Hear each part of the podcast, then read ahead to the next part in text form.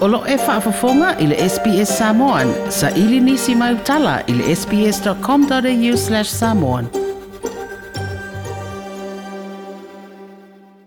were uh, I came over here to Australia to play in uh, play for Auck- uh, for Auckland against Australian side Cronulla, I think it was.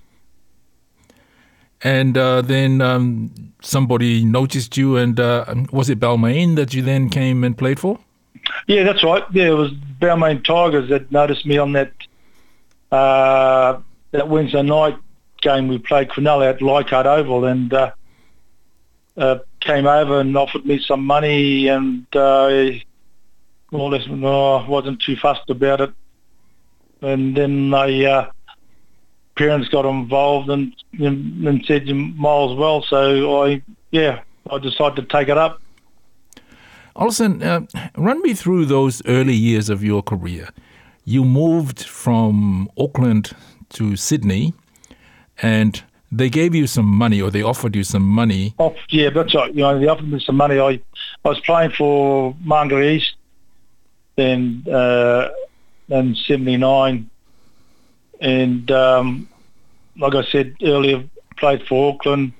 The club sent over the, I think he was the secretary of Tigers and uh, had a meeting with my mother and father and, and me and um, about going over to Australia to play, and I, uh, yeah, I left it basically to my parents, money, and, and they made the decision for me, and uh, they offered. Uh, I'm not too sure, but it, you know, it would have been would have been much, and, uh, and then I yeah, then I left, left straight over and signed uh, sort of like a not a contract, but a g- agreement with the club that I'd, I'd come over, fly over in 1980 and uh, join the Balmain Tigers. And so you had to work to subsidize whatever they were paying you. Yeah, that's that's right. Because uh, I think it was something like uh, they offered me about five thousand dollars. I think it was you only have a contract, and everything back then was incentive. You got uh, like fifty dollars if you got named in the squad, and you got uh, you know seventy dollars if you won, uh, forty dollars if you lost, and you even were offered like you know little bonuses if you scored a try and kicking goals and all that. You were a goal kicker too um, in, in those days, weren't you? Yeah, that's right. I I more or less uh, started off at the club being a goal kicker, and I didn't start kicking for for Tigers until uh, probably my second year there. And they asked me if I wanted a goal kick, and well, you know, back then you had to get what you get what you could out of the game, and I, I just sort of said, "Yep, I'll do it," you know, because was like getting about five dollars a goal, or you know, whatever uh, other goal kickers were getting. But you were, I mean, I know you were kicking for uh, New Zealand and for Auckland. Yeah, that's right. It, it, uh, Auckland was not too much. Um, New Zealand, mainly when Graham Laird had taken over, I decided to end up kicking for them when Graham Laird asked me uh, to do it. And uh, yeah, with, when I went to the Tigers, you know, I'd goal kick, uh, whatever they, you know, whatever money I could get out of out of the club or whatever, I, I said yes, I'll do it. And uh, so to subsidize uh, that very um, uh, meager salary, if, I, if we can call it a salary, you had to work as a, uh, a gabo and um, uh, paid for the bills. Uh, where, where did you stay? I, I lived I lived with uh, Aussie um, couple that my parents had met at White Eastwood uh, Rugby League Club because they're the sister club to the Mangere East Hawks. Right? And uh, my parents had came over on a club trip and caught up with uh, this two Aussie, this Aussie couple, uh, Full of Margaret Dries. And they got on so well uh, together. With, I think their parents were there for about two weeks. And she uh, ended up winning a drinking competition alcohol drinking competition at the club, which didn't surprise me, Hardy. and uh, because they, they apparently they had some Aussie guy there at the club and said, "Oh, you know, he's the best drinker, drink anyone at the table." And the Aussie, I call them Aussie parents now.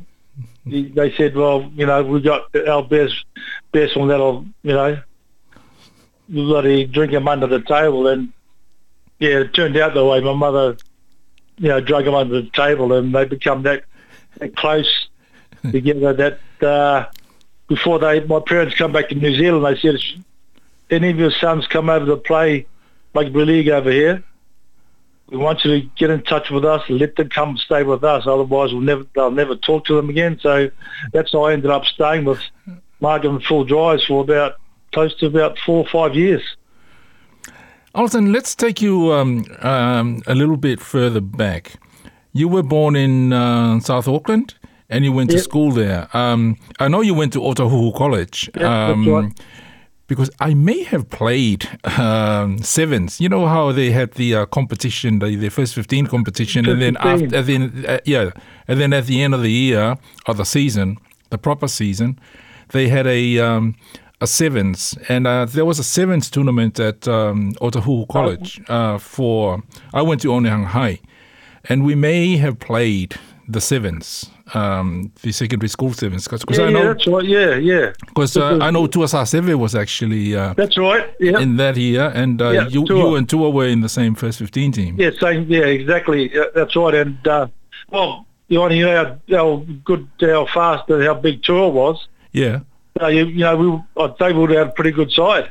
You did. You were in. I, I remember a, a game against uh, uh, Mount Albert Grammar uh, when you were at um, inside center, and Tua was either outside center or wing. Um, and Fred Akui was actually uh, with um, playing for Mount at the time. Yeah, that's right, Albert Grammar. Yeah, that's right. Yeah, Tua played. Yeah, nine times a day, Tua played on the wing. That's right.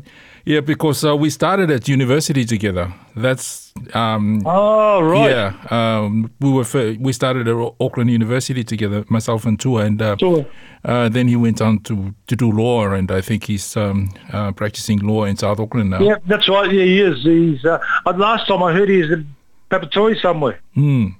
and all that. Well, you know, that, that's a guy I thought would have gone a long way.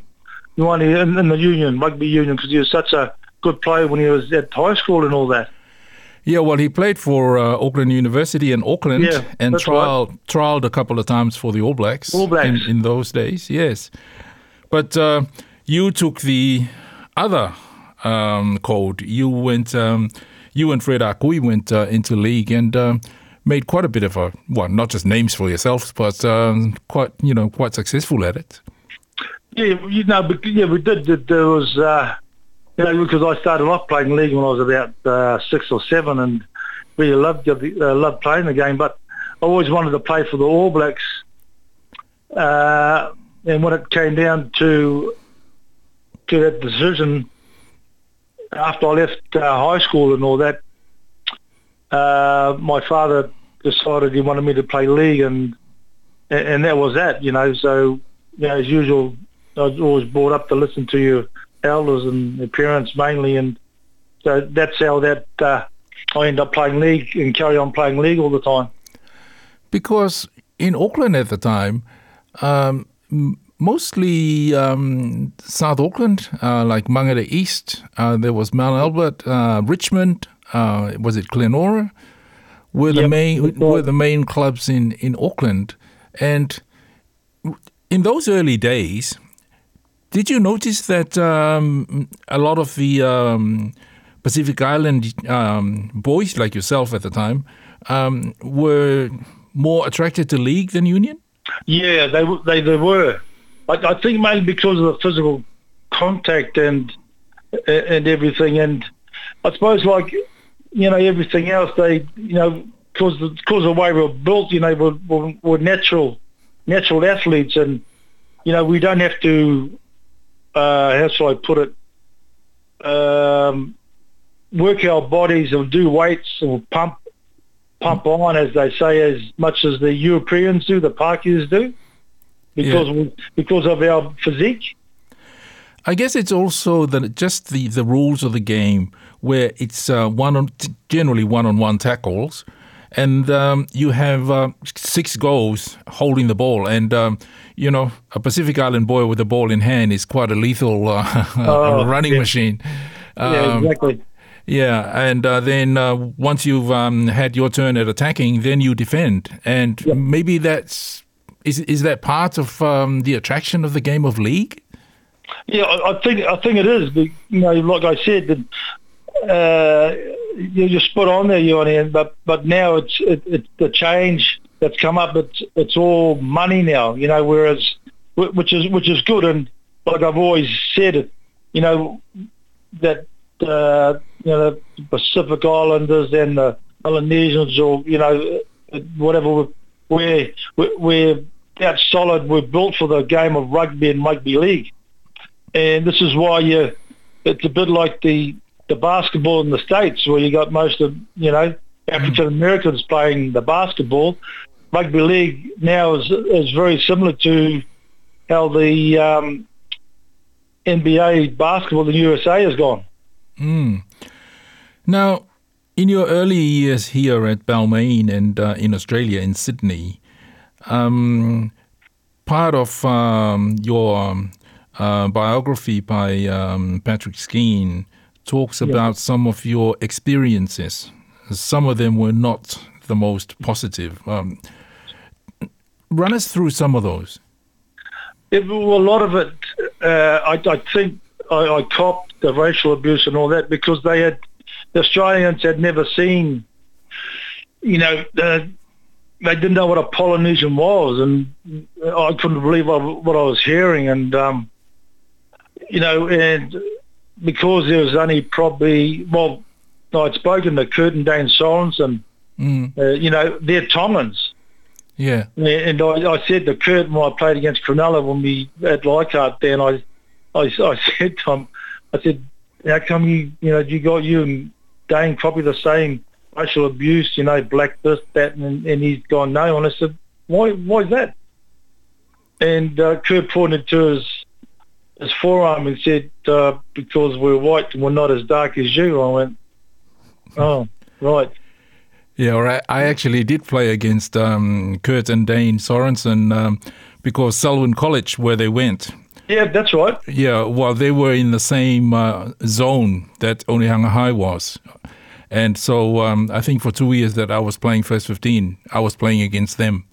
So I, I know what you're talking about. They are quite fair, the Sorensens, aren't they? Yeah, they're, they're very fair, and I, you know, sort of clicked to me when Kurt said that. Then I'm looking and said, "No, well, fair enough." Then, and you know, this is why I ended up uh, topping the bid because they'd never seen a, a player like me, and they, you know, tried to call me an uh, Aborigine, but because of my thighs and all that, you know, they no, he's not that because the thighs are too big.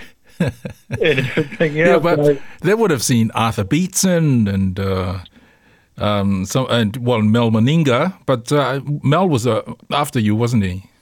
Yeah, that's right. Mel was after uh, was after me.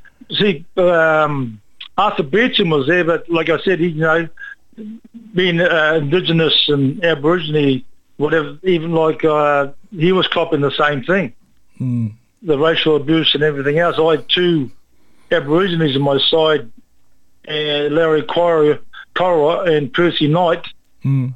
and uh, you know they were copying the same thing. It, it was just that you know I'd never been called an ape and go back to the zoo stuff, and I'm going, you know, what's you know why is all this happening? And it's just something that I, you know, I was lucky my I made that promise to my mother that I would never get involved in a fight on the football field. Otherwise, the Ronnie, I probably would have spent probably most of the side, uh, most of the, you know, the year on the sideline because of what people were calling me.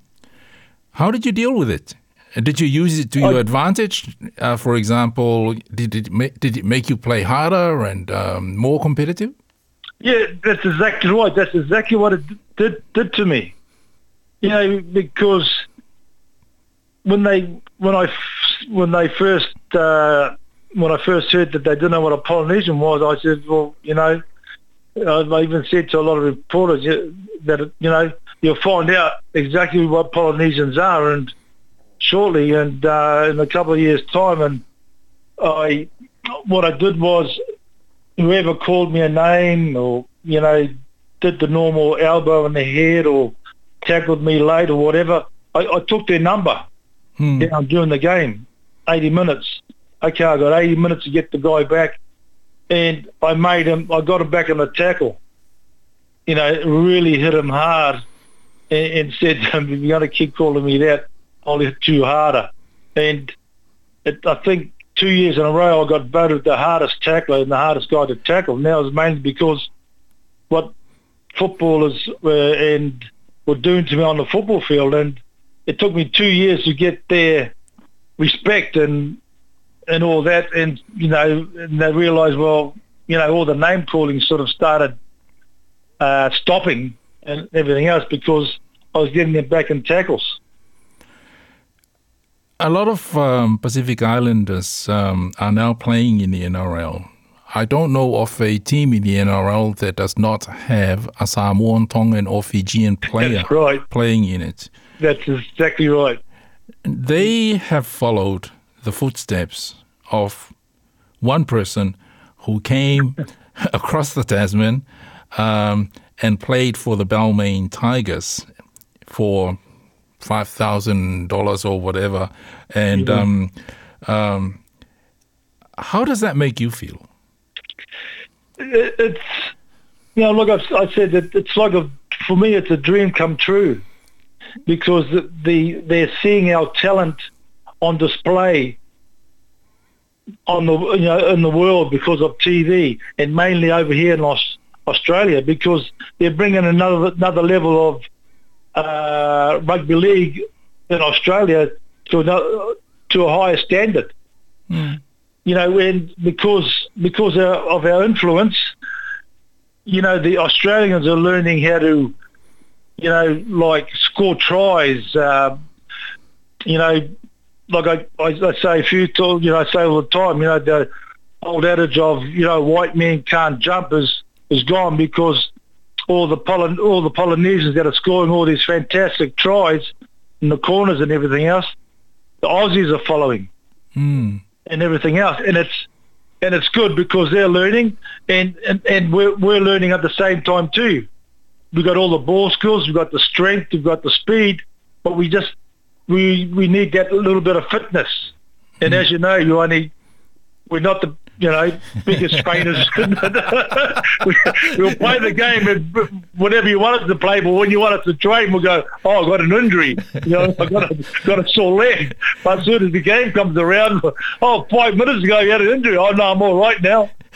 Yeah, well, I th- I think we are still noticing that in uh, in local competitions. You know, where the first fin- the first uh, fifteen minutes, um, the, Yeah. the brothers are running, and then uh, the second fifteen minutes, the brothers are walking. Walking, yeah, that's exactly right. Spot on. but the good, like like I said, you know, good thing that, I, that makes me really proud about it is that we're getting the money we deserve. We're not getting underpaid, Mm. and that's a really good thing about it. That, that I, I, I, you know, that I, um, uh, I'm really wrapped about. Olsen, what are you doing now with your life? I'm still. I just work on the rubbish trucks. You know, and that's it. I I used to go to uh, uh, well every now and again, not so often now because you know that that age thing and the body slows down and the aches and pains gets it's harder and harder to get out of the bed and all that. but I used to go out and talk to a lot of the um, you know junior kids coming through. I'm up to the age about 16 and down, and from about 10 up to 16 about the advantages, disadvantages of rugby league, the do's and the don'ts, and you know, and, get them to appreciate what they get out of the game because it can be taken away from them in one bad injury, and you know, um, anything could happen in that time. And when they sign contracts, And you know, like like everything, you only always have a game plan B. Hmm. Don't always rely on the on the money you're getting from from the football because it's not always gonna not always gonna be there. Olsen Filipaina, what advice would you then give to young Samoan Pacific Island players, not only those who are entering the NRL, but those with ambition to play the game of rugby league and play it professionally? Uh, the game has had some bad reps Yeah. in recent times as a result of very poor behavior on the part of some of the players. What advice would you give to young Samoan, Tongan, Fijian, Pacific Island players who are thinking of making a living out of playing rugby league professionally?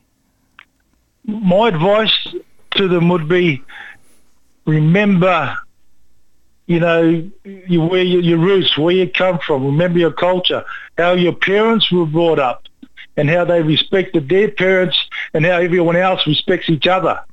A lot of our uh, Pacific young uh, players now, because they're getting this big money, tend to tend to think, you know, because I'm on this big money, I can do what I want. You know, it's like everything. Remember where you come from and have respect to your parents and your whole family, and never forget where you come from. You know, I, I say this to a lot of the, the kids that I, I talk to. A lot of them need to get out of that uh, syndrome I call the one is, you know who I am syndrome. Mm. You know, when they get all this big money. And then when they get their head up there, it's very hard to get it back out again.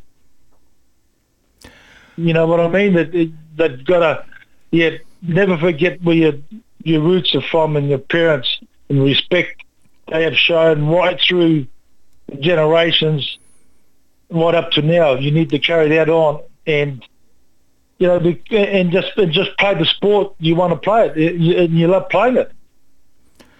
Olsen Filipaina, it's a great book, The Big O. Uh, and you are and you are the Big O. Um, thanks very much for talking to me. Mate, the pleasure's been mine, and uh, mate, I hope we'll catch up Yes. uh, soon, whenever, Ioane. So, you know, you got my number, and we, if you got anything on or whatever, you know, it'd be good. Uh, just, you know, give us a call and we'll catch up. Like, share, mafaali sa ufinangalo, muli-muli ile SBS Samoan ile Facebook.